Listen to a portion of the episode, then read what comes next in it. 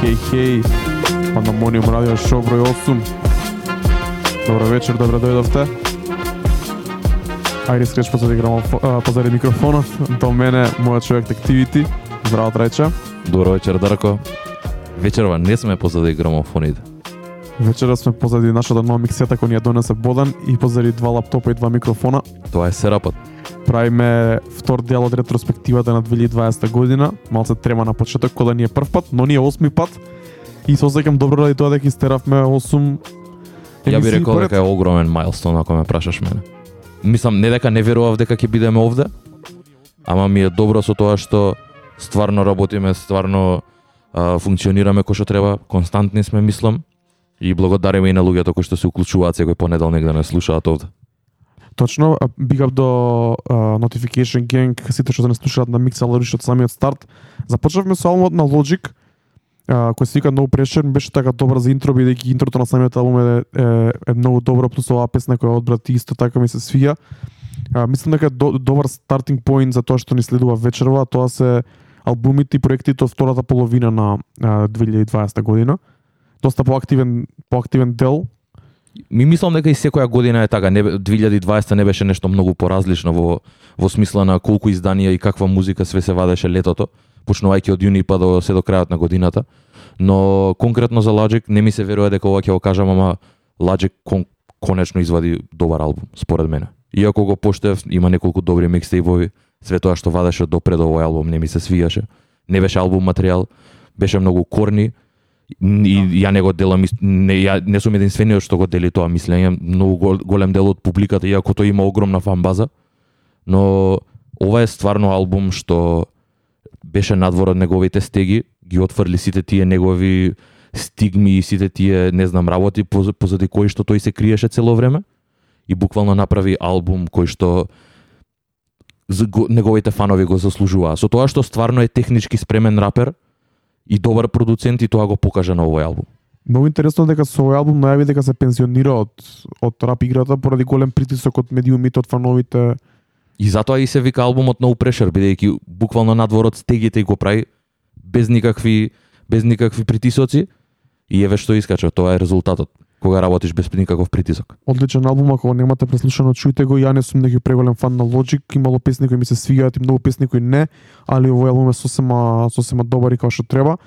Како што веќе знаете, ако не слушавте прошлиот пат, идеме со по две-три песни од секој албум за кој ќе зборуваме, плюс некој сингл измеѓу ре, ретроспективно, не целосно, но така одиме хронолошки од јуни, јули, па навака. Ќе продолжиме со албумот на Гана кој беше предвиден за претходната емисија, но го ставивме за оваа бидејќи некако стилски поише ми се поклапаше со тоа што го ќе го пуштаме вечерва. Јас ќе си ќе кажам дека албумот на Гана за кој пишувавме први импресии веднаш што ми излезе на на Инстаграм ми остави како го слушам се повеќе подобро ми легнува и за мене е од топ 5 или 10 албуми од американската сцена за оваа година. Не ми се веруваше да го кажам тоа, али оваа недела да го сфатив тоа. Ја не го делам истото мислење, но ќе кажам дека е, има неколку траки. Ете, една што ми текнува на ум е Аргентина. Не знам зошто, ама таа трака ми остана со мене. Но ќе бидам искрен, се немам навратено од кога го слушавме тогаш. Тогаш буквално го преслушав два пати, три пати, ако не се лажам и се немам навратено од тогаш. Но еве кој што ја памтам Аргентина ми се свиѓа. Ајде да чуеме песната Вана, која го носи истиот наслов со името на албумот, па ќе влеземе малце покасно да позборуваме малце повеќе за овој проект. Може? И да. Пандамониум радио шоу број 8, Гана, Вана, почнуваме, одnosno продолжуваме со ретроспективата на 2020 година. Уживајте.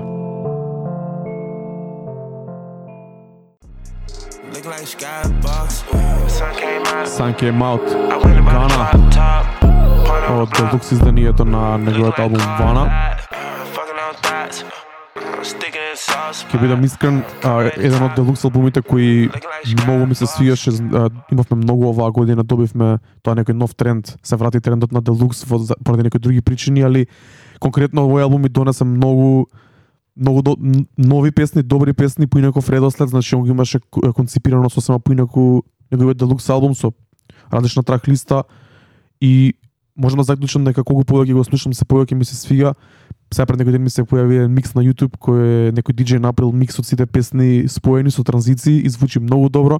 Исто имаше да настап таму летото за време на карантин Life in LA, кога презентираш и албумот. И тоа ми звучи многу добро, многу ми е вајби, многу ми е чил за таков некој муд која сакам да да исколирам и онека да свири нешто позадина. Вана ми е супер. Што мислиш? Па не знам, ја уште кога искочи ем, немав баш нај, нај, најпозитивни коментари бидејќи стварно од аспект на а, продукцијата ми се свија. Уизи стварно си го направи своето овде голем дел од продукцијата е на него. Но не знам, пишувањето на гана песните како се составени мене сето тоа ми нема некое артистичко значење освен мудот кој што го носи. Но покрај тоа онака малце ми е бленд, затоа и се немам навратено. Но тоа е интересно ти што велиш дека ти го слушаш кога сакаш да се опуштиш. Ја мислам дека мене поише би ми би ми пораснал на мене онака буквално ако го слушнам некаде на некоја журка во во почетоците. Како некое интро за некоја за некоја добра рок. Не знам зашто, но тоа 2020 не ни го послужи. Немавме шанса да излегуваме по клубови и мислам дека можеби и од таа страна и од тој аспект Гана не го сметам за артист што би го слушал дома. Не знам зашто, ама тоа сум ја. Е па да, добро. Музиката таму негде му припаѓа дома или Да, ама ти предпоставувам дека и ја така го класифицирам и малце некако го стигмазирам. Но не знам. Го имам слушано тоа што го спомна настапот лайв што му беше дома од терасата, тоа стварно звучи во во лайв рендиција, албумот звучи сосема поинаку. И можеби тоа ми се свиѓа многу повеќе него ли студио верзијата на самиот албум. Тоа е тоа. Вана Гана, ако ви се свиѓа ваков вајби трап, чујте го, ако го немате веќе слушното, верувам дека многу песни ви се имаат појавено по плейлистите на Spotify, а, кај нас на радио и слично. Ке продолжиме со албумот на Pop Smoke, посхумниот албум кој предизвика многу многу а, позитивни реакции, водиш водишевувачки реакции, дури би рекол. Би сакал да слушаме песната Enjoy Yourself со Carol G, па да влеземе после тоа и да позборуваме малце повеќе за него. Може? Може. idemo sa Enjoy Yourself, Pop Smoke i Carol G.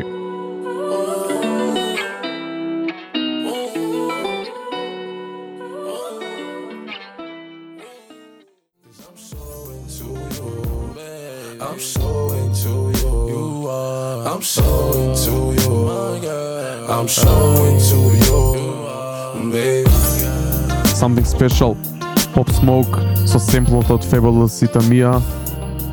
Ја буквално тоа го заклучив пред две минути. Дара, дара, да, уште на првото слушање го приметив тоа и... Ја не го приметив, ја сега некако случајно го кажав тоа и се потврди да е точно. Да, да, Ама да. многу ме подсеќа.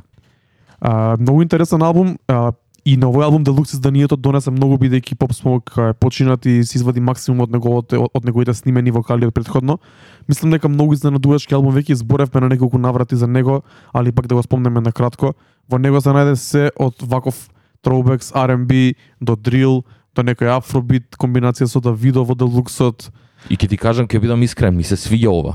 Очекував многу поише дрил слайдс и бас слайдс, буквално онака дрил музика, но ова ми изненади. Ми изненади за позитивно. Се гледа и увидно е влијанието и од 50 и од се, ама се гледа дека тоа трга и од самиот Pop Smoke. Имало нешто кој тој- што сакало тоа да го Тој направи. веќе спремал некој ваков стил бидејќи се гледа дека песните се направени вака некако да звучат. Да. Да, ја би рекол Enjoy Yourself буквално онака ми е uh, Diddy vibes. 2000s Bad Boy Records vibes. Е па тоа е, значи овој период кога почна стилови песни да излагаат, се го осетив тоа враќање на, на големата врата на тоа клубското R&B што го викам ја и многу ми се свига и Pop Smoke со овој албум иако постхумен покажа дека е беше многу повеќе од дрил артист и беше спремен да биде главна фаца во хип-хопот.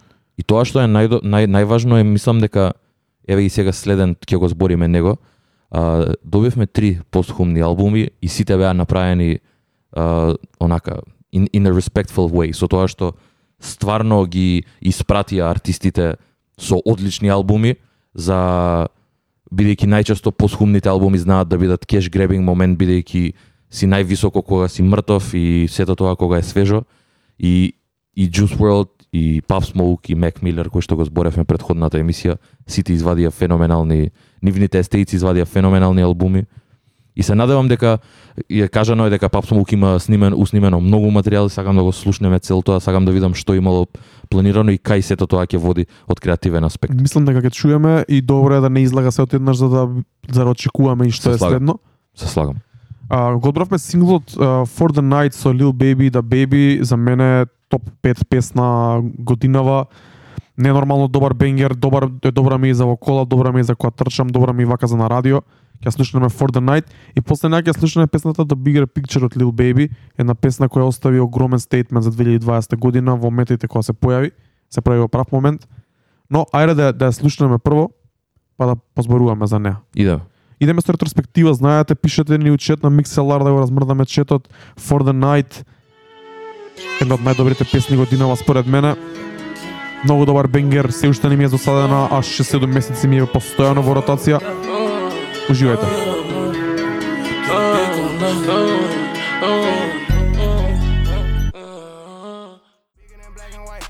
It's a problem with the whole way of life. It can't change overnight. But we gotta start somewhere. Might as well go ahead, start here. We didn't have a hell of a year. I'ma Lil Baby, The Bigger. Picture.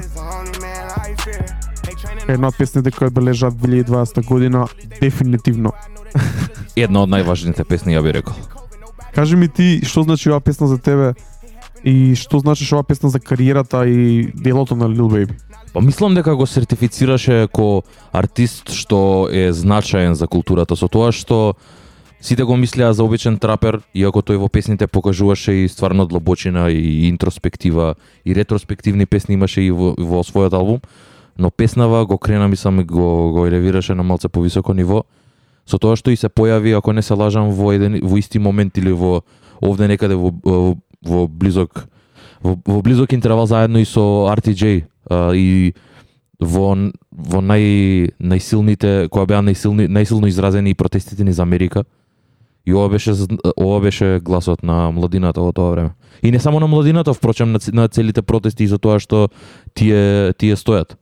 Така да ова го цементираше Lil Baby кој е еден од најважните артисти за 2020 година. се сложувам како продолжение на албумот My Turn кој го зборувавме претходниот пат, оваа песна само го зацементира уште повеќе неговиот статус Апсолутно. и тоа што мене најмногу ми се свига кај песнава е тоа што многу ретко може да се да се долови да биде песната и бенгер, а и да има многу силна содржина и силна порака. Ја тоа го реков и претходниот пат, ќе го кажам и сега. Uh, Roddy Rich и Lil Baby се единствените кои што го направија тоа во последните 2-3 години кои што памтам ја. Од трап сцената. The Bigger Picture за, за, за многу многу медиуми го ја одбраја како песна на годината и, И со право. со право најмногу поради значењето, многу е тешко да направиш добра песна која има уште поголемо значење. И е релевантна за тој период. Иако е врзана, иако е врзана и излезе во времето кое што искочи, песната останува релевантна и за за понатамошните struggles кои што се случуваат во Америка и со целото тоа индискрими и индискриминација кон ете кон uh, би рекол кон црнците и не знам како да Аре сите тоа е социјални неправди апсолутно да. The Bigger Picture Lil Baby а, песна на годината според многу се се сложуваме со тоа. Тоа што ќе слушнеме следно е песната Conversations од Juice WRLD од неговиот а, посхумен албум и некој морам да споменам овие три песни конкретно се најдоа на последниот микс кој го направивме заедно со Панчо. Best of 2020 микс кој е достапен на Mixcloud, достапен и на YouTube, прв пат закачив микс на YouTube после полого време, се надам дека нема да ми го трнат бидејќи рекоа дека смениле дел од копирајтс полисите, па ќе видиме ќе видиме до кога ќе до кога ќе тера. Тоа исто така е достапно како плейлиста на Spotify. Одбравме 35 ултра бенгери меѓу кои се најдоа овие три песни. Ако немате чуено, чујте тие таа плейлиста планирам да остане така да биде као стейтмент да се стои као една селекција Best of 2020. Спомна преска дека е, добивме три одлични посхумни албуми. Кажи ми дали го преслуша целосно албумот на Juice WRLD? Да, Дали го осети? Не. Не знам зошто, не знам зошто го преслушав, но ќе бидам искрен. Ќе ќе ќе ти излажам ако ти кажам дека сум некој огромен фан на Juice WRLD, иако го фати франо, уште ете, ако не ако не се лажам и бук, се возевме у кола која ја пуштивме и прв пат, не која пуштивме прв пат негови песни, ама не остана тоа со мене. Премногу меланхолија, темите кои што ги обработува и ни сите негови проекти не не не, не резонира со тебе, со да. мене и едноставно не можев да се поврзам иако од артистичка гледна точка и од технички аспект тоа што умее тој да го прави каков текстописец е тоа, тоа не го, тоа не, не може никој да му го одземе. И ако се сеќаваш и на, на сите фристайли што ги имаше направено, мене тоа поише некако малце ме восхитува кога зборам за Juice WRLD, неголи самите проекти, иако и тие се од извонреден квалитет. Конкретно за Juice WRLD и за неговиот постхумен албум, да, го слушнав, но не се навратив на него, не, не ми е толку близок, не ми е бил близок кој што ми е Мек Милер, кој што Circles го слушам еднаш неделно најмалце. Така што немам некое оформено мислење, но throughout uh, back and forth ми се свиѓа албумот и е in a respectable way, кој што реков заедно со Pop Smoke и со, со Mac Miller и Juice WRLD доби едно одлично испраќање Јас кој што беше. Јас не го слушав, не го слушнав веднаш што ми излезе, го чекав правиот момент да бидам во права состојба, да бидам правиот муд да го преслушам. И објективен. Да, и објективно и кога го преслушав за да пишувам албум ревју кој може да го прочитате на Пандомониум радио на Инстаграм. Го осетив албумот со целост, а, сватив што сакал да каже, за како се осеќал пред да пред да умре, иако не умре а, умре поради други причини, сепак а, со него таа меланхолија нај мислам дека до сега беше најизразена тука, дека претходно беше комбинација на парти, careless life и лоши моменти, а сега беше нека многу повеќе негативен. И тоа се осеќа во албумот, дури некои песни не можам да ги да ги слушам, ќе бидам искрен песна што да ставивме Wishing Well, кој да го гледам и спотот, а, ми прави некој такво чувство, ме допира малце од внатре, бидејќи се осеќа баш дека има човекот има човекот нешто што му тлее во него што не е убаво, а многу добро знае да го да го изрази тоа што е многу до, добро од друга страна. И предпоставувам дека и тоа е причината зашто ја и го немам толку преслушано и му немам оддадено толку внимание бидејќи стварно годинава иако беше иако беше таква како што е. А, Не ти треба нешто уште повеќе да те Дефинитивно. Се, се гледав да слушам уште толку малце по uplifting музика за да се кренам ја и мојот дух. Така што би рекол respectable release, одлично поздрав, по, одличен поздрав за Juice WRLD и ко финален албум негов каде што тој имал умешано во креативен процес. Тоа е тоа. Ке ќе видиме неговиот стейдж што ќе направи. Предпоставам Juice WRLD дека исто имам премногу материјал снимено така да ќе очек ќе ќе слушаме нови ствари од него и неиздадени. Сигурно, сигурно. Идеме со Conversations и Wishing Well од албумот на Juice WRLD. Uh, пишете ни во чет како ви се свигаше. Ова е еден многу добар бенгер. А, следната песна е малце по deep, Wishing Well. Уживајте.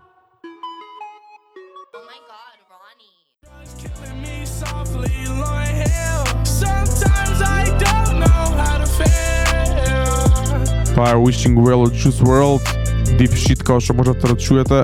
Ако ви се свиѓа ваква меланхолична и а, на некој начин тажна музика, сигурно ми се свиѓа ова, ја и рече не не осекеме баш. И среќен сум дека не ја од една страна. Факт. Но, ќе кажам, го зборевме тоа сега пред да ги уклучиме микрофоните, во поглед на експресија е стварно еден од најекспресивните артисти што може да постои. Искрен, интроспективен и не се ги крие чувствата. Тоа тоа е квалитет кој што никој не може да му ги да, да му го одземе нему. Ти прави некој филинг ти- и да не си тажен ке те направи онака малце да се да се прашаш Па е е што е тоа, работава. И најгол, не знам, тоа е и валја причината зашто и него толку слушам. Не дека не го поштувам, има одлични песни, но на крајот на денот стварно не се чувствувам така и не сакам да влезам во таков муд, да бидам присилен да да влезам во таков муд. Точно. Juice World, uh, Rest in Peace. Uh, се надеваме дека ќе чуеме уште музика што има снимено. Ајде малце да да да развеселиме работата. Мислам дека ни треба сега. Ќе продолжиме со Амине, еден артист и еден албум Limbo кој го преслушав неколку месеци од како излезе. Знам дека со Димитар Милев баш зборев, он ми кажа да го чуем обавезно. И исто и за него чекав прав момент бидејќи тоа што имав слушното од него предходно ми беше хитен мис за мој вкус. Но кога го слушнав албумов, мислам дека таму неде август септември, кон крајот, неколку месеци или не- еден месец од како излезе, го осетив многу добро и веќе имам и пола песни во Сарато ми се стајани. Многу често го пуштав и на стримовите кои ги правев во среда. Кажи ми ти нешто повеќе за албум, дали го преслушаш што мислиш за него? А ми не го преслушам на денот кога искочи, го очекував овој албум и го чекав да искочи за да го преслушам со тоа што предходниот микстејп пред ова, тоа што го извади проектот што го извади беше микстејп наместо албум, тој го барем, барем класифицираше како така. И стварно беше мис со тоа што пишувањето беше мрзеливо, продукцијата беше многу чудна и овде ова беше огромен степап за една година, тотално се измени, тотално се промени. Музиката беше повесела, поискрена, подобро пишување, текстовите, аранжманот беше на, на, на, на музиката многу подобар. Продукцијата исто така беше од микс и мастер беше level up. А, така што ги има хитовите, но има и такви некои бенгери кои што се бисајдс deep во самиот албум. Одлични фичерс би рекол. Имаше одлични соработки овде, така што И посебно и делукс верзијата, значи имаше од R&B светот до рапери до трапери, така да секе се најде има некои инди имења кои Injury Reserve кои што се едни од најинтересни најинтересните најинтересните групи кои што се појавија неколку години уназад. Но Ема да, ќе ја слушаме песната Easy на која гостува Summer Walker. Тука беше Slow Tie, Vince Staples и Young Tuck има одлична песна Compensating која се најде и на плейлистата на Нина. Uh, G.I.D., Charlie Wilson, интересни соработки. феноменални соработки, ја ви рекол, и огромен степав, кој што реков од предходниот проект. Бидејќи Амине ги имаше тие неколку хитови, Caroline и таквите кои што има и огромен вјус и стварно имаше огромно внимание, но не беше тоа тоа. И овде стварно подлабо копа, продукцијата си го си го прави своето и овде е тој кој што е. И затоа многу повеќе ми се свиѓа Лимбо и тоа би рекол и го оправдувам и делукс изданието, иако го зна, не знам, го знаеш мојот став на на делукс верзиите што се сите појавија во 2020 Ама ако не се лажам, излезе 3-4 месеци покасно, По-покасно, и да. донесе неколку нови неколку песни нови песни. кои одлично дојдоа откако ни легна целиот албум и го преслушавме, па они даде уште 5-6 песни други да се да Со тоа што и добро се надоврзуваат на целата приказна и на целиот тој муд и звук на низ целиот албум. Да, да, да, Мисис Клин таму исто многу ми се свига, баш ја пуштив у петокот на стрим. А Мине ми е еден од ар- артистите кои не сум ги рейтал пред оваа година, но сега последниве месеци се навлеков.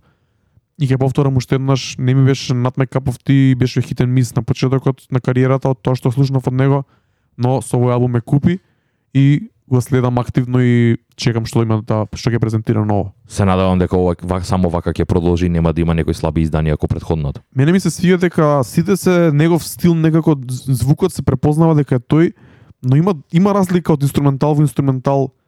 Опфаќа повеќе ствари.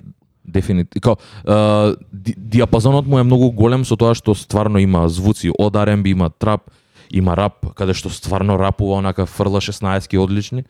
А, не знам. Мене ми е феноменален со тоа што многу интересен проект, многу разновиден и тотално неочекуван, луѓето не го очекува. И ако ако погледнете и на на светските познати страни и блогови, секаде ран- високо рангира. Ако не топ 15, топ 20 сигурно. Сакам уште нешто да те прашам пред да пред да пуштиме песната Изи. А, во кој кош го ставаш? Со кои артисти е, го ставаш во ист као поджанр или е, би го препорачал на луѓе кои слушаат каква музика?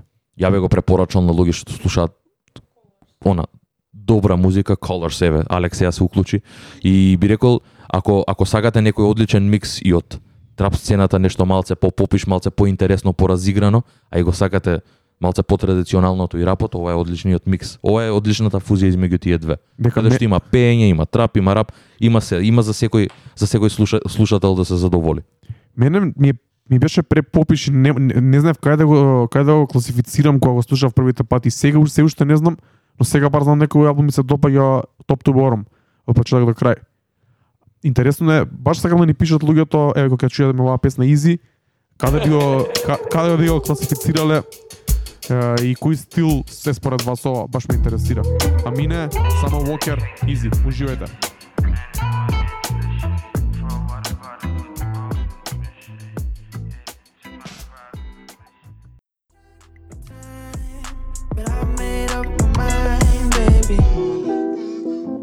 Can Decide. А мине, обравме три песни од овој албум, бидејќи стварно ни се допаѓа на сите тука. Чујте го, пишете ни како ви се свија, мислам дека е, за мене ќе повторам уште еднаш откритие, не, не го открива како артист, него го, ми го привлече вниманието и симпатиите со овој албум. Звукот ја би рекол дека е откритие. Со тоа што и само низ овие три песни слушавме три различни стила, ако ме при мене прашуваш. Да, Беки сепак, беше еден звук, Can Decide беше друг. а сепак, а сепак си, си има негов печат. Апсолутно, да. Се знае дека ја мине песна. Се селиме на албумот на нас. Една легенда која а, постојано вади проекти, вади албуми. Ретко кој албум, според мене, ретко кој албум проаѓа баш како што треба од него послед, последните различни 15 причини, би години, да. Но овој албум изненадувачки помина одлично. Излезе во прав момент. Би рекол дека е совршена должина 13 песни, албумот на нас се вика King's Disease. Ја продукцијата е од Hitboy, не секаде, но мислам дека како некао екзекутив, Он е executive producer, да. што мислам дека му даде многу голема свежина на нас и гостувањата тука го направи албумот да биде порелевантен и за помладата публика и за тоа мислам дека нас извади многу добар проект. Ќе бидам искрен, од прва до последна песна го преслушав само еднаш или два пати, но песните кои си ги извадив, ги ставив во сарато за пуштање и ги, ги наместив по плейлисти, ми се постојано во ротација и високо го рейтам овој албум оваа година. И се слагам со тоа што и самите и самата култура го потврди тоа, сепак е Grammy nominated. Така да ова е огромна победа за нас, ја би рекол. Мене искрено еве би рекол дека во последните неколку години со тоа што ако не се лажам 2018 беше тој ролаут на Kanye од по албуми од по 7 песни, Да. каде што и нас имаше албум, така на Sir. Мене тој ми се свиѓа. Bonjour ми една од најубавите песни за 2018 година. И тој албум мене ми се свиѓаше, иако беше малце избрзан и самиот нас вели дека не е задоволен, но King's Disease беше нешто сосема поинаку. Се гледа дека посветил време да го креира овој ова, ова би рекол ремек дел од него во последните 10 години. Еден од најдобрите албуми што ги има извадено. Најдобрата музика што има креирано последниве 10 години. Слагам. Hitboy го вади тоа од него на многу интересен начин. Продукцијата е и различна. Значи имаш од до. Со тоа што Spicy иако е таква кој што е, има еден неверојатен апил околу неја и мене ми е топ 10 песни за годинава. Исто, исто. А. Плюс да збориме за кој што рековме за гостувањата. Имаш луѓе код The Firm, го имаш Lil Durk на нас албум. Да, Big Sean и Don Toliver не на трака. Така, тоа е тоа тоа е огромен рейндж и огромен гроут со тоа со што тоа го покажува нас. Но и знам од кај доаѓа, нас и има соработки со DJ Khaled кај што си има и на неговиот албум најдено. Со Френч што- Монтана. Така кај што Френч Монтана и не би рекол дека е прав трапер бидејќи ако ако го знаете Френч Монтана кој што ја го знам Френч Монтана кај што рапува на е- на Не, не, на, на ка- микстейп, на микстейпови така да тоа е и некој и тоа е она тој New York connection, но а, нас со дамна сака да, да влезе и во тие еве би ги нарекол трап води кај што влага со помлади артисти да работи и си го отвори видикот и многу ми е мило тоа што го прави. И мислам дека му лежи и мислам дека во во 2020 година конкретно ваков звук како што има на King's Disease е тоа што треба да е според мене како треба да звучи тврд а добар хип-хоп. се слагам. А, интересно е со тоа што и толку после толку години низ неговата кариера се уште расте кој артисти се уште учи и се адаптира кон културата. Така да Што е ретко редок Да. пример. апсолутно да. Тоа е тоа е интересното, тоа е тоа е доброто, затоа и луѓе во луѓето толку високо го ран- рангираат King's Disease, така да да не збориме многу, да не должиме даре. Кажи ни што имаме спремено за Ќе вечер. слушнеме песната All Bad на која гостува Андерсон Пак, уште на многу интересно гостување и после тоа ќе слушнеме песната Spicy која е хайлайт од овој албум на која гостуваат Fabi Foreign, uh, A$AP Ferg, продуцирано од Hitboy, Banger Ripple. Бенгер Рипл. Се Феноменално. Се мислевме да направиме како најавен джингл да го направиме инструменталот, али закаснивме со тоа, така да ќе видиме за понатаму може ќе го ќе го направиме at some point. Идеме со All Bad, Anderson Paak, Nas, King's Disease, малце поинаков саунд и после тоа ќе ја чуете песната Spicy ако ја немате чуено бенгериште. Уживајте. was all good till she went bad. Hit boy, we got another one. Pricey. Nostradamus, Fabio, Vroom, ASAP Ferg. Yeah. А, Фавио, A$AP Ferg. Е, Еднаш убава, имаш убава забелешка дека ова е се три генерации кои доаѓаат од Нью Йорк, три различни стилови. Да, со тоа што еве се сеќавам на тоа што го кажав, Фави иако е врсник на Ферг, се се појавија во сосема различни во сосема Ери. различни ери би рекол. Иако се 8 години некој, ете ако кажеме дека Ферг се појавил 2012 Фави се појавува 2019 но стварно звукот е многу видоизменет од тогаш и Фави репрезентира една сцена, Ферк репрезентира друга, а нас е легенда кој што трансцендентира низ целото тоа време, така што одличен микс на и згоре на тоа го имаме Hitboy кој продуцент, да не го забораваме. Битов е лудило, една од најдобрите продукции според мене за 2020. Така што еве, Домилев вели дека Hitboy е MVP за годинава. Да. Се слагам, се слагам. Премногу работа, премногу добри битови, одлични соработки и ц- мило ми е што продуценти добиваат шајн кога што добива Hitboy. Да, ама мислам дека он сам се го искасла, се го искасла вниманието бидејќи почна да се појавува повеќе како артист, а, го, го има во кредит постојано, вади своји проекти, И и тоа мислам дека е одлична школа. спотови, Да, да, да, да, да, да. Се, он сам се, се третира малце повеќе од само продуцент. го има има некаков презенс во цели во сите тие проекти, освен тоа што е на продукцијата. И тоа тоа е мислам и одлично школа за продуценти ко Кардо, ко Harry Fraud, кои што исто се појавуваат на самите на самите проекти на кои што учествуваат во продукција, се појавуваат и во спотови, се појавуваат и ко и во и ко кредитирани во, на самите Spotify пејџови, така што тоа е одличен мув за продуцентите како да си го земат својот. Точно. А, се селиме, се ќе пуштиме една песна од, од, од албумот на A$AP Ferg, Floor Seats 2, кој е продолжение на Floor Seats 1, кој излезе лани. Еден албум кој според мене беше издаден во погрешно време и малце како избрзан и повеќе ми се ми, се- ми го сеќам како некој избир на, на Leftovers, иако има неколку бенгери на него, што не е што е, е нормално и е очекувано кога станува заборави се Ferg, но проектот како проект има 11 песни, максимум 3 или 4 би ги одвел како окей, повеќе за клубови, а годинава немавме клубови, така да мислам дека беше малце фейл и мислам не фейл, него едноставно примената не можам да му најдам баш оваа година конкретно. Ја, знаеме каков е Ферг дека е енергетичен и но ќе нагласам нешто. Floor Seats 1 би се свиѓаше многу повеќе неголи Floor Seats 2. На Floor Seats 1 има една од омилените мои песни за 2019, а тоа е Dream, Dream Tales and Fantasies, а, така што за разлика од тоа што беше што беше Floor Seats 2, а, огромен мис според мене. Па да, ма излезе во друго време 2019-та, го гледам се има има 9 песни, значи е, 4 песни пократок, пократок поконцизен. Мене песната Wham со Made in Tokyo исто ми беше добра тој албум. И за денес избрав една песна на која се појава Made in Tokyo и е чудно, но интересно звучат тие двајца заедно. Доба, да. Ја ја би сакал да слушнам и проектот нив. Да, Кратко EP као као као звучат заедно Било на добро, да. Movie Hips, песната на која гостуваат Ники Минаш и Made in Tokyo, една од моите омилени песни од овој проект. Избравме само една бидејќи само и толку вреди да, да, да чуете, инаку може ги имате слушнато uh, синглот Денис Родман на кој гостува Тайга, исто е многу јак бенгер, но за жал не сме во клубовите да го слушаме. ја нема таа примена. Ќе го спомнеме сега само, значи Movie Hips, A$AP Ferg, Ники Минаш, Made in Tokyo, па се селиме на албумот на Big Sean, Detroit 2.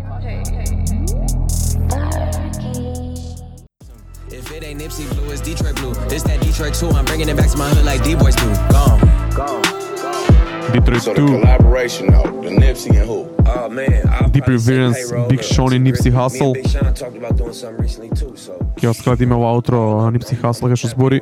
Detroit. Detroit 2 го направи Big Sean, човекот со камбек на годината, може да се сложиме? Би рекол да. Стварно се врати на голема врата и среќен сум за Big Sean бидејќи ја го слушам и исто одамна уште пред Kanye деновите со Guapi со, Guap, да, да, да, да, Да, тоа ми беше мене интродукцијата заедно со J. Cole и сето тоа во тој период сите се појавија Точно.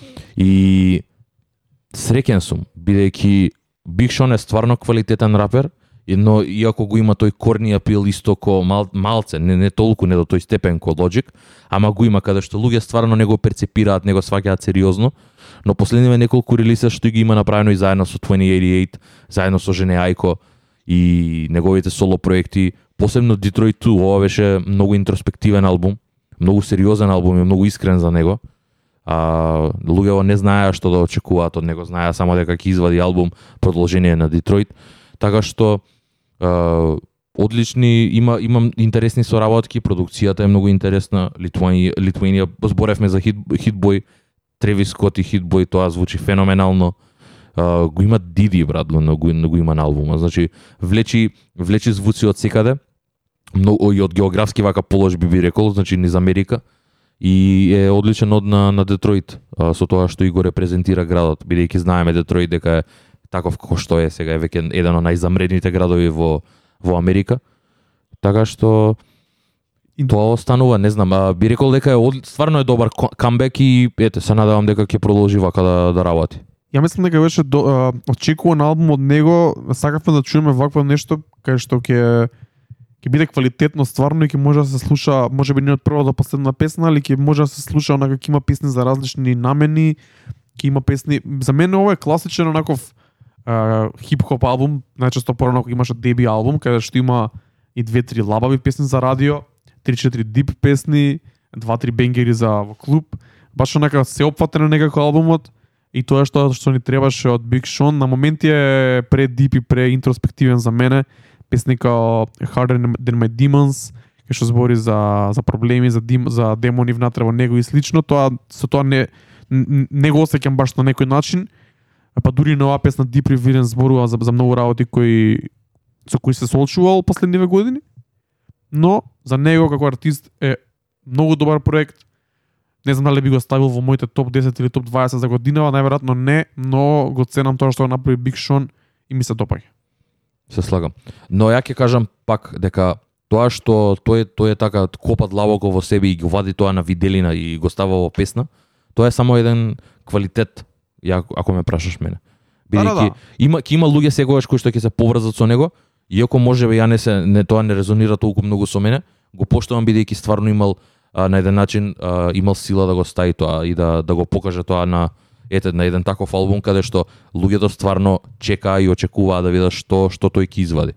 Бидејќи сите целата таа драма што се случи со жене и како тие издржаа таа цела ситуација за после сите тие афери што се случи и случката со детето, небитно. А, о Детройт беше одличен албум и одличен шоукейс на тоа што може да направи Big Sean. Интересно е дека Big Sean доби улога за креативен директор за на, на, на Detroit Pistons тимот.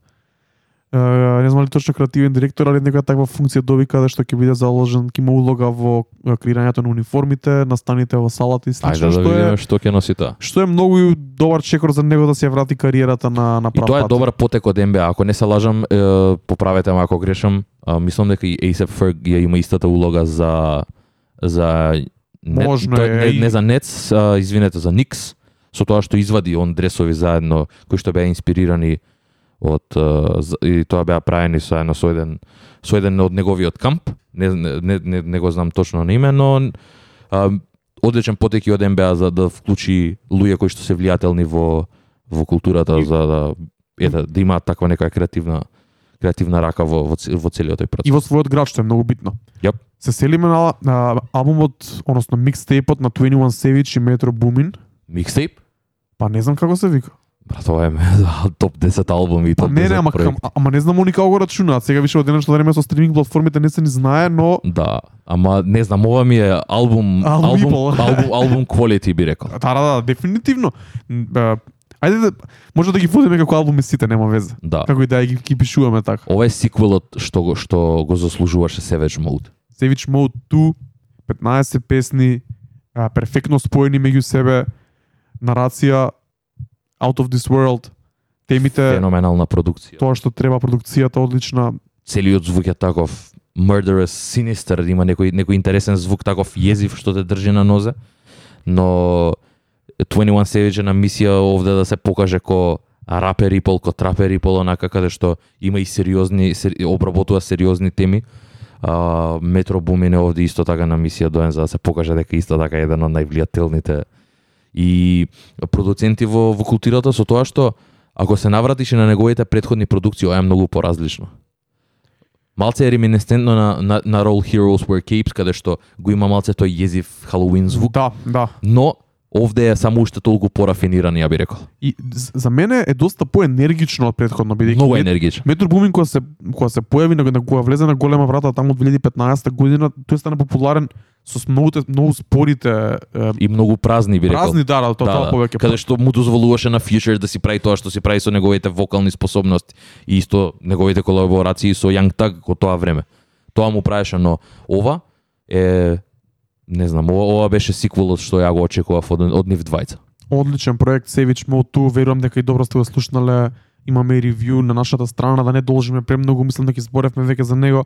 Ќе слушнеме интрото кој мене многу ми се свија и песната Running која следува после него, инаку исто песна можеби во топ 10 или топ 15 за годинава. Исто така ставивме на миксот со Панчо Best of 2020. Чујте го на YouTube или на Mixcloud. И, и интро, интрото и Running мислам дека се доволни за оваа ситуација, па да продолжиме на тоа што е следно. Идеме. Booger was all you good for. I'm here to show you you more. Guess that's what I'm here for. Here for. T.Y. Sign, Anderson Paak, Kanye West а, и Thundercat, трек 6. Од албумот на T.Y. Dolla Sign, кој се викаше featuring, кој се вика featuring uh, T.Y. Dolla Sign. Една песна која уште веднаш што ми излезе, што ми излезе ја ставивме на нашата топ 10 листа и беше таму неколку недели. Едно заради Кање што е овде, според а за, заради мене друго што е Thundercat овде. Ја приметив дека Kanye Лоуки после вторава половина на 2020 Е, имаше активен. многу а, активност, одлични врсови. Ке ке ќе збориме во следната епизода или таа после неа за Playboy карти. На албумот на Playboy карти Holler Red имаше од најдобрите моменти од целиот албум. Факт. А, ги ги имаше два пати кај, кај Сен Джон, ги имаше со T.Y. Dolla Sign, ги имаше кај Two Chains.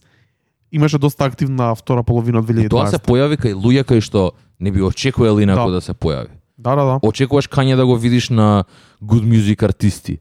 Не знам да се појави не, не знам Cudi или така та, не- нешто такво и као скрос тој тој заминува на сосема друга страна кај што се појавува и кај што дава шајни и му дава значење на артисти кои се Инджан. А, тај дала сајн и не знам, тоа ми е интересно. Кање е многу чуден лик. Да Baby. Му се свиѓа Да Baby. Као Кање има кажано дека Да Baby му еден од најдобрите артисти за 2020. Имаше на, на неговата песна на на на која излезе така као one off, имаше ремикс со The Со Baby, The Baby, и да. Two Chains. каде што тој го зам- замолил да Baby да направи да, да направи ремикс. Не знам, 2020 е чудна година, Кажи ми, полна со изненадувања, кажи така ми да. дали го преслуша албумот на T.Y. Dolla Sign. а, не во целост, со тоа што А и мислам дека и тоа е целата концепција на албумот, бидејќи стварно овде се работи за тај дала сајни соработки кои што ги имал. Не знам, не знам во кој период е сниман овој албум, но песните тие што ги слушав ги бирав врз основа на соработките кои што Да. и артистите кои што учествуваат на самите песни. Така што ете конкретно овде би рекол uh, Track 6 ми е едно од најдобрите бидејќи стварно ги има ете го има Кање, го има Андерсон и на крај значи ко, ко и да не е да, не- да не е Куз би рекол го има и Thundercat. Thundercat ја има едно од омилените песни мои за 2020 година, така да ми е еден од најинтересните и најспешните артисти. Така што трака трака за трака не би го слушал цел во целост, но вака би си би си одбрал неколку песни бидејќи се работи за долг албум. 25 песни, тотално различни стилови, од R&B до некој вакво експериментирање, до неколку клубски бенгери. Се сложувам со тебе, featuring T- uh, T.Y. Dolla Sign, повеќе во поглед на синглови и како Не е наменет да биде слушан from top to bottom, да. Му обрнав му обрнавме внимание, ако имате поинакво мислење за него, ве молам пишете ни во четот да развиеме дискусија, ако денеска сме полабави, четот си одмара, ние сме си почил, си ја тераме последната емисија на Пандамониум радио шоу за 2020 година.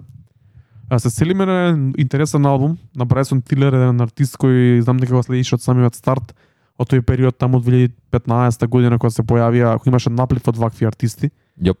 И Ти што ги ти што ги велеше дека се копи и сида на The Weeknd? Па тој период имаше кога се случи тој наплив, тогаш ми звучаа сите многу слично. Не можам да ти простам дека се уште мислиш дека Блек е таков артист, брат. Тоа никад нема да го заборавам. Не, некако помина времето си, они си се изградија како што треба, али тој тогаш кога се случи тој наплив, кога тоа беше тренди да се да се прави, ми звучеше се многу слично, но сега си ги секој артист си е за, за себе и си има свој стил и ми се допаѓа повеќе од тоа што од, од тие некои други трендови кои се случија после нив, како на пример Bubblegum и SoundCloud, Да. да. трап и слично. А- албумот Anniversary има 10 песни, половина час трае, доста easy listen и стилот на Брайсон е општо easy, easy да се слуша. А, па, знаеш како? Многу ми е интересно дека Брайсон, а, кога искочи, се појави и сите го дознавме со Trap Soul. Ако не се лажам, беше 2000 и 2015 И тогаш ми беше еден од најинтересните артисти, значи пењето беше феноменално, продукцијата беше таква буквално кој што збориш, бавна со трап R&B, некој интересен звук, Трап ритам со R&B Да. мелодии и пеење, многу пеење, некоја рапување, многу Да. уникатен звук за тоа време. И кога искочи, кога искочи Trap Soul, луѓето не можеа да се задоволат само со еден албум и го на еден начин беше притиснат Брайсон за да извади нешто. И извади еден албум во 2017 кој што се викаше True to Self. Да. За, за мене е огромен мис. Тој албум еднаш го имам преслушано и никогаш се немам навратено. Имаше неколку траки као uh, Self-Made, Run Me Dry исто беше така малце како Ама беше како афробит. да, епа, епа, моментот е каде што луѓето не го очекуваат тоа и е тотално спротивното на, само, на, на самото име од, од албумот кој што се вика True to Self бидејќи да. беше притиснат да извади нешто што е малце покомерцијално, поприфатливо од од а, генералната публика. И затоа за во 2020 малце да се повлече, имаше неколку од одовлекувања од самиот албум и во 2020 го извади Anniversary кој што ете е некаква петгодишнина од Chepsol, некакво продолжение би рекол на неговата вистинска музика за и во во, дви, во 2020 фактички добивме и делукс верзија на Chepsol, песни кои што се кои што ги имаше и кои што постоја на на SoundCloud. Тие тие три песни кои што се појавија на делукс верзијата мене ми се омилени Како устави од тоа со The време. Weeknd. Јап. И Just Another Interlude, омилената Брајсон Тилер песна според мене и за мене. А, така што Anniversary беше интересен албум кој што буквално го врати а, го врати Брајсон Тилер во во тој момент. Продукцијата е многу слична и многу подсеќа на тоа во 2015 што го имаш извадено. Имаме Drake feature овде. Како што реков, интересен е, интроспективен, таков е, бавен е и интересен е за слушање, за лабавење во домашна атмосфера на вечер. Така што се радувам за Брајсон дека стварно си се успеа да си го врати и е, тоа што го имаше и да, да, да почне, ете да кажам, по неговиот стар пат да ги задоволи фановите, а со тоа и Кентаки живее. Точно. А одиме со соработката со Drake Out of Time. А после ќе чуеме песната Always Forever од албумот Anniversary на Bryson Tiller. Ако ви се допаѓа овој звук, проверете го обавезно целиот албум. I've been thinking maybe things were never the way we made them out to be. Bryson Tiller, Always Forever. Easy vibes. Вреди да се слушне цел албум ако немате да чуено Anniversary. Ако ви се допаѓа овој стил, кога сме веќе кој ова мора да го спомнеме и а, Party Next Door повторно. Го обработивме во преходната епизода на неговиот албум. А, сега ќе го спомнеме неговиот Party Pack број 1. Ова беше као троовај песни кои што рековме се ги во на некој начин неколку и постоја веќе на интернетот, но имаше и некои работи што ги немавме слушнато. И ова многу поише ми мене ми се свиѓа него ли претходни. Јас сум, јас сум повеќе за Party Packs од колку албуми, искрено. Дефинитивно. Значи постари песни, ремикси, неофицијални изданија. Значи, конкретно од албумов Persian Rugs ја слушам, ако ти се верува, од 2014 година на ми се верува, SoundCloud. да. И West District. Тие се песни онака што ми се мене Ептен Certified Party Next Door песни, тој вајб, тоа е негов вајб, тоа е негов звук и никој не може да му го одземе тоа. И сакам така да остане. Сакам поише Party Pack, сакам да слушам ствари кои што ги има вака извадено, што, што тоест што ги има уснимено, но што се чувствува дека никогаш не би ги ставил веќе на албум, бидејќи мисли дека неговата музика веќе иде кон во некој друг Да, правец. напредува, да. И стварно сакам да видам што све има снимено, знам дека сигурен сум дека има премногу материјал бидејќи е таков артист кој што и не снима само за себе, туку голем дел, значи песни снима за Рајана, снима за Дрейк, има многу референс траки кои што тој ги прави многу пишува и доколку тие не се појават на нивни албуми и не бидат земени, сакам да ги слушнам неговите рендиции од истите. А, ставив тука две песни кои се нови на некој начин, кои ги немаме слушнато. Песната Кенди, на која гостува Nipsey Хасл и песната Базин, која после тоа дознав дека си има најдено на еден проект на Lil Yachty од 2015 година, не го знаев тоа. Ја прв слушам за тоа. Бидејќи другите песни ги имавме веќе слушнато, а луѓе ја знаеа и Базин и баш во коментари на YouTube баш прочитав дека некој што тогаш имало на некој проект, валјда некој некој микстейп или нешто такво. Така да ги слушаме песните Candy, Базин, додека сме во овој стил Easy Vibes, понеделник вечер, последен понеделник од 2020 година.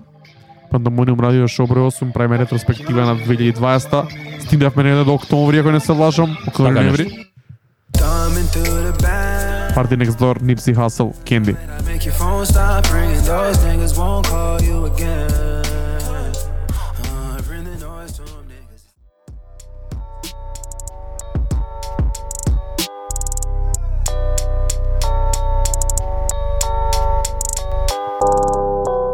Bazin, PND, Lil Yachty, Murder Beats on production. Party Pack, ако го нема да слушнато, чујте го, топло го препорачувам и јас и Трајче. Стигнавме не до октомври ноември, нашата прва емисија на Пандамониум радио шоу за 2020 година се случи на 9 ноември. И од тогаш натаму мислам дека опфативме 90% од вредните работи што кои требаше да се опфатат. Апсолутно, да. Со тоа што и доколку не слушавте, а предпоставувам дека не слушате, а, не знам, секоја недела музиката што искачаше ја поминувавме, зборевме за неа, а, дававме дававме и она поголемо внимание на албумите, онака што нас ни беа хајлајти што мислевме дека треба да ги поминеме се до се до крајот на годината. А, така што и за крај оставивме малце поинаков звук, Но пред тоа, но пред тоа сакаме да да, го споменеме Сейнт Джон, еден артист за кој што зборувавме многу пред неколку епизоди, може да да го слушнете тоа ако ви интересира повеќе. Има една многу интересна соработка со Блек и со Келани, кој е некаков ваков сличен стил. и ама е на крајот на денот е соодветно за Джан. Би- Иако иако тој е енергетичен, го има тој меланхоличен звук за да се поврза за за да направи таква музика. Ајде да чуеме оваа песна, сакавме да ја најавиме а, и да ве подсетиме дека ги има сите епизоди достапни на Mixcloud, на Spotify и на Anchor. Може да ги пронајдете кај нас во, во био, на Milkshake-от, на Pandemonium Radio. Идеме со Saint John, Black и Kelani. Песната Ransom во овој, во овој vibe, па после неа ќе влеземе да позборуваме за една друга трака која мене ми е хайлайт последниве две недели. Holidays in California quite strange.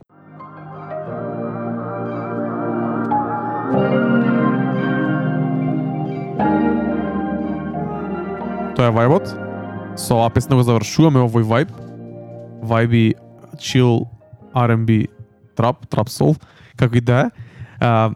Ке сакам да најдам следната песна, која е песна од албумот на Static Selecta, еден продуцент и диџеј кој дојде во Скопје преку Шршац, ако не се лажам 2015 година. Така нешто. Дојде повторно и во 2018 uh, The Balancing Act се вика неговиот албум. Иако не, не, не сум фан, не сум преголем фан на бумбапот, иако оваа година се вратив на него, постојано кога ќе извади проект го слушам и му давам внимание бидејќи ми се допаѓа неговата продукција и секогаш има на неговите албуми. И old school артисти се разбира, но има и многу new school артисти меѓу кои со Two Chainz соработува често Wiz Khalifa, а оваа година а, го има и Джек Харлоу, песната Time, а, која ќе слушнеме следна, е во соработка со Джек Харлоу, инаку овој албум беше многу добро прифатен од, од публиката и треба да го зирнете, има многу добри гостувања, многу добри битови, се опфатено некако а, за љубителите на бумбап звукот, топло го препорачувам. Но сакам да кажам нешто повеќе за песната Time со Джек Харлоу. А, мене ми дека бидејќи бидејќи излезе сличен период како албумот на Джек Харлоу, оваа песна ми беше као бонус, као не ми дојде као бонус трака од самиот албум. И е многу интересно дека баш тука и избори за Мек Милер, а и на моменти звучи како Мек Милер, нешто со кое го зборевме и со тебе на Pandemonium Radio Show, Да. а го зборевме со луѓето кога правевме listening session за самиот албум. Оваа песна ми е хайлайт за последниве две недели, две-три недели. Дали имаш слушнато? А, интересно е што мојата замерка дека тој звучи на моменти ко Мек Милер беше пред да пред да ја слушнам песната. Тоа после го Исто, увидов. исто. Да, значи а, албумот го немам слушнато во целост, но ги имам видено и сите тие фичерс кои што се појавуваат. Ги имаш тие легендарните old school hits, имаш Sean Price verse овде. Има, А, има Black Thought, има Method Man. Го има ставено Conway и Two Chainz на иста на иста трака, така што Killer. Mike исто така. И таа таа е да една од подобрите. Го има а, неговиот константен колаборатор, а тоа е Joey Beres, така што има овде многу Нью Йорк, а и многу рап, но да, кој што велиш овде Джек Харлоу го има тој моментот кај што и мислам дека е може единствениот кој што ете на тој начин и од одскокнува бидејќи не е во таа клапа на артисти кои што Static Selecta и цело време соработува. Да. Ја, ја најавив ја песната, албумот исто така ми се допаѓа, за љубители на таков звук слушнете, но повидно ми е да ја слушнете песната и да ја обрнете да ја обрнете внимание и на текстот и на саундот. Идеме со Static Selecta, Джек Харлоу, Time. No tune. Turn my voice up a little bit.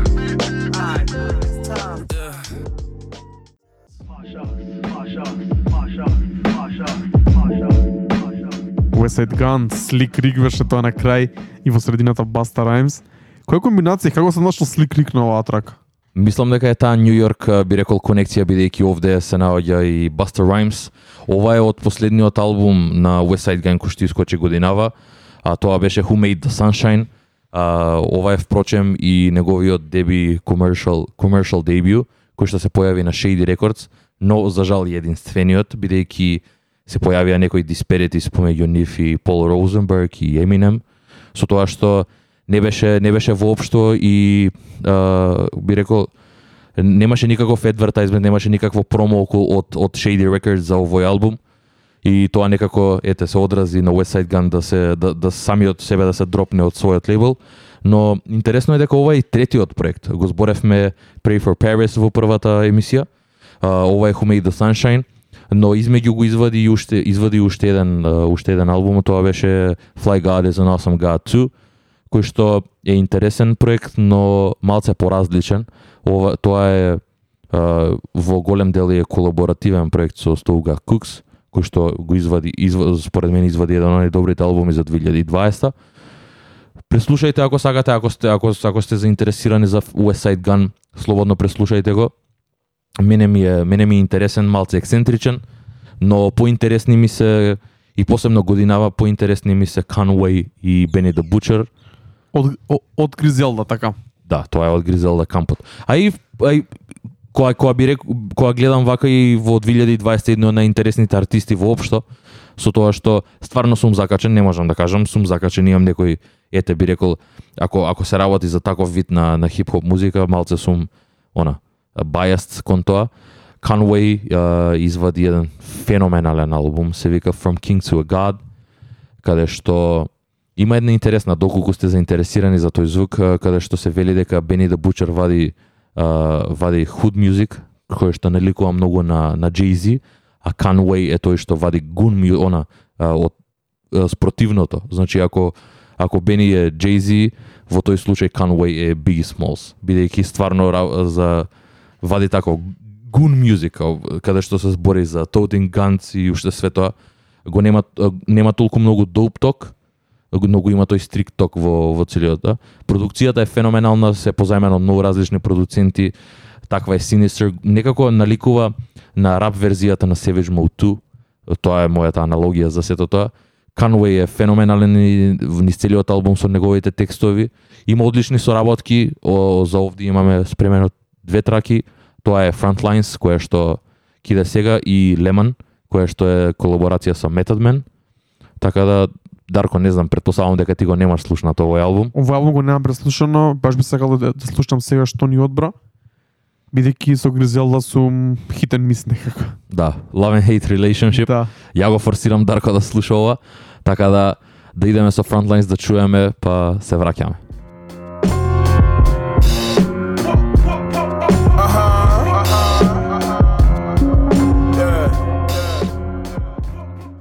Ги оставивме на крај овие неколку албуми на Гризелда екипата и на крај на Екшн Бронсон, бидејќи се албуми кои до лани ќе спаѓаа во underground хип-хоп, но оваа година си го заработија своето своето место на под наводници мејнстримот, стана популарни, го ја пробија таа бариера. Видовме дека и многу комплекс магазини, многу други ги рангира исто И ги вреднуваат веќе, као добиваат и добиваат coverage и од големите од големите ети индустрии, од големите социјални тие што имаат влијание, значи од влијателните пејџови од сето тоа добиваат внимание, добиваат шајн. И за мене е многу интересен интересен момент бидејќи 2020 стварно се случи некаков преокрет, значи да добиеме албуми ко Алфредо и тие сите да бидат а, на еден начин а, како како да кажам, а, да бидат ценети за да тоа. бидат ценети да бидат на, на местото каде што заслужуваат да бидат. Да. А и тоа само дава ете да се вратиме King's Disease. Ако не беше мислам дека и Алфредо и таквите албуми кои што се појавија Да, да, стварно да. од, од, од голем квалитет, мислам дека и ќе се изгубеше и King's Disease помеѓу сите останати.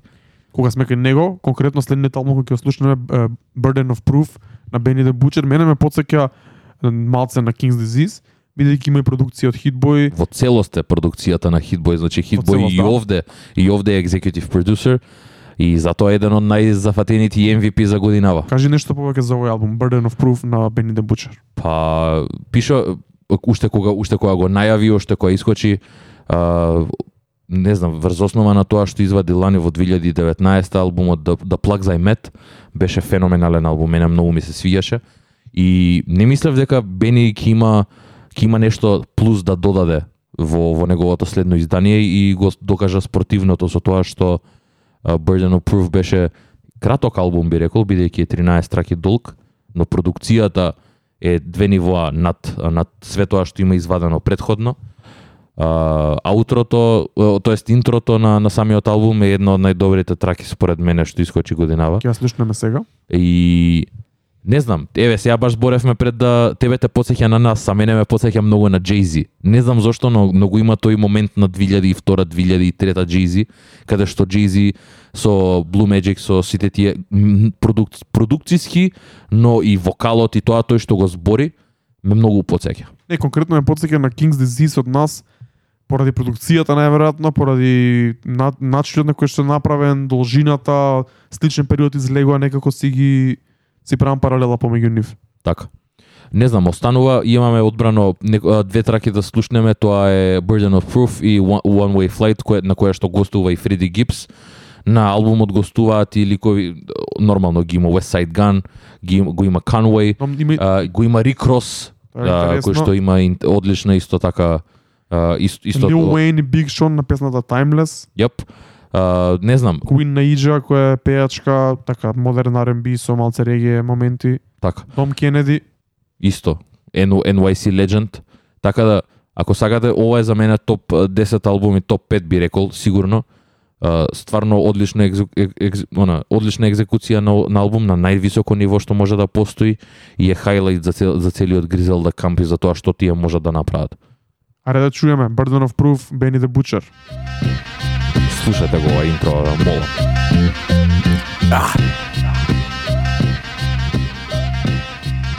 What you coming, nigga?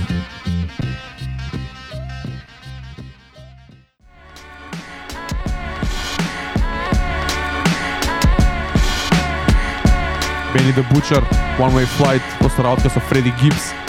А, овој албум што најмногу ми се допадна мене од цела Гризелда екипа, Big Up за Benny the Butcher.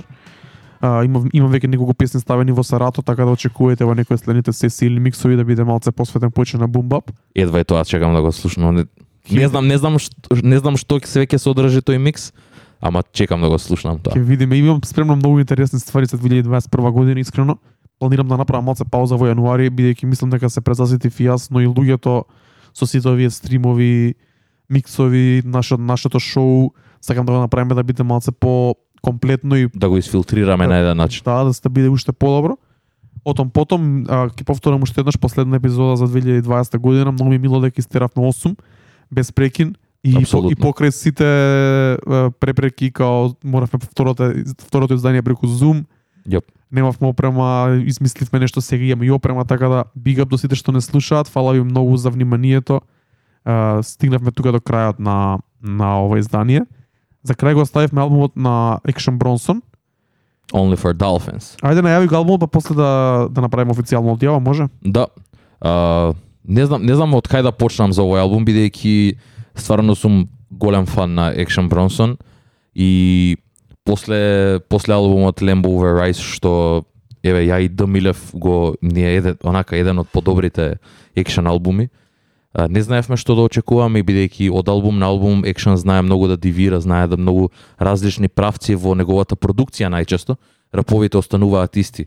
Референцира храни, збори за неговиот лайфстайл, но тоа најчесто што е а, случајна промена е продукцијата, бидејќи секогаш наоѓа и изнаоѓа некои нови работи, нови семплови, но, а, нови инспирации, а, работи со нови продуценти и ете, Only for Dolphins не беше ништо поинаку и ништо поразлично.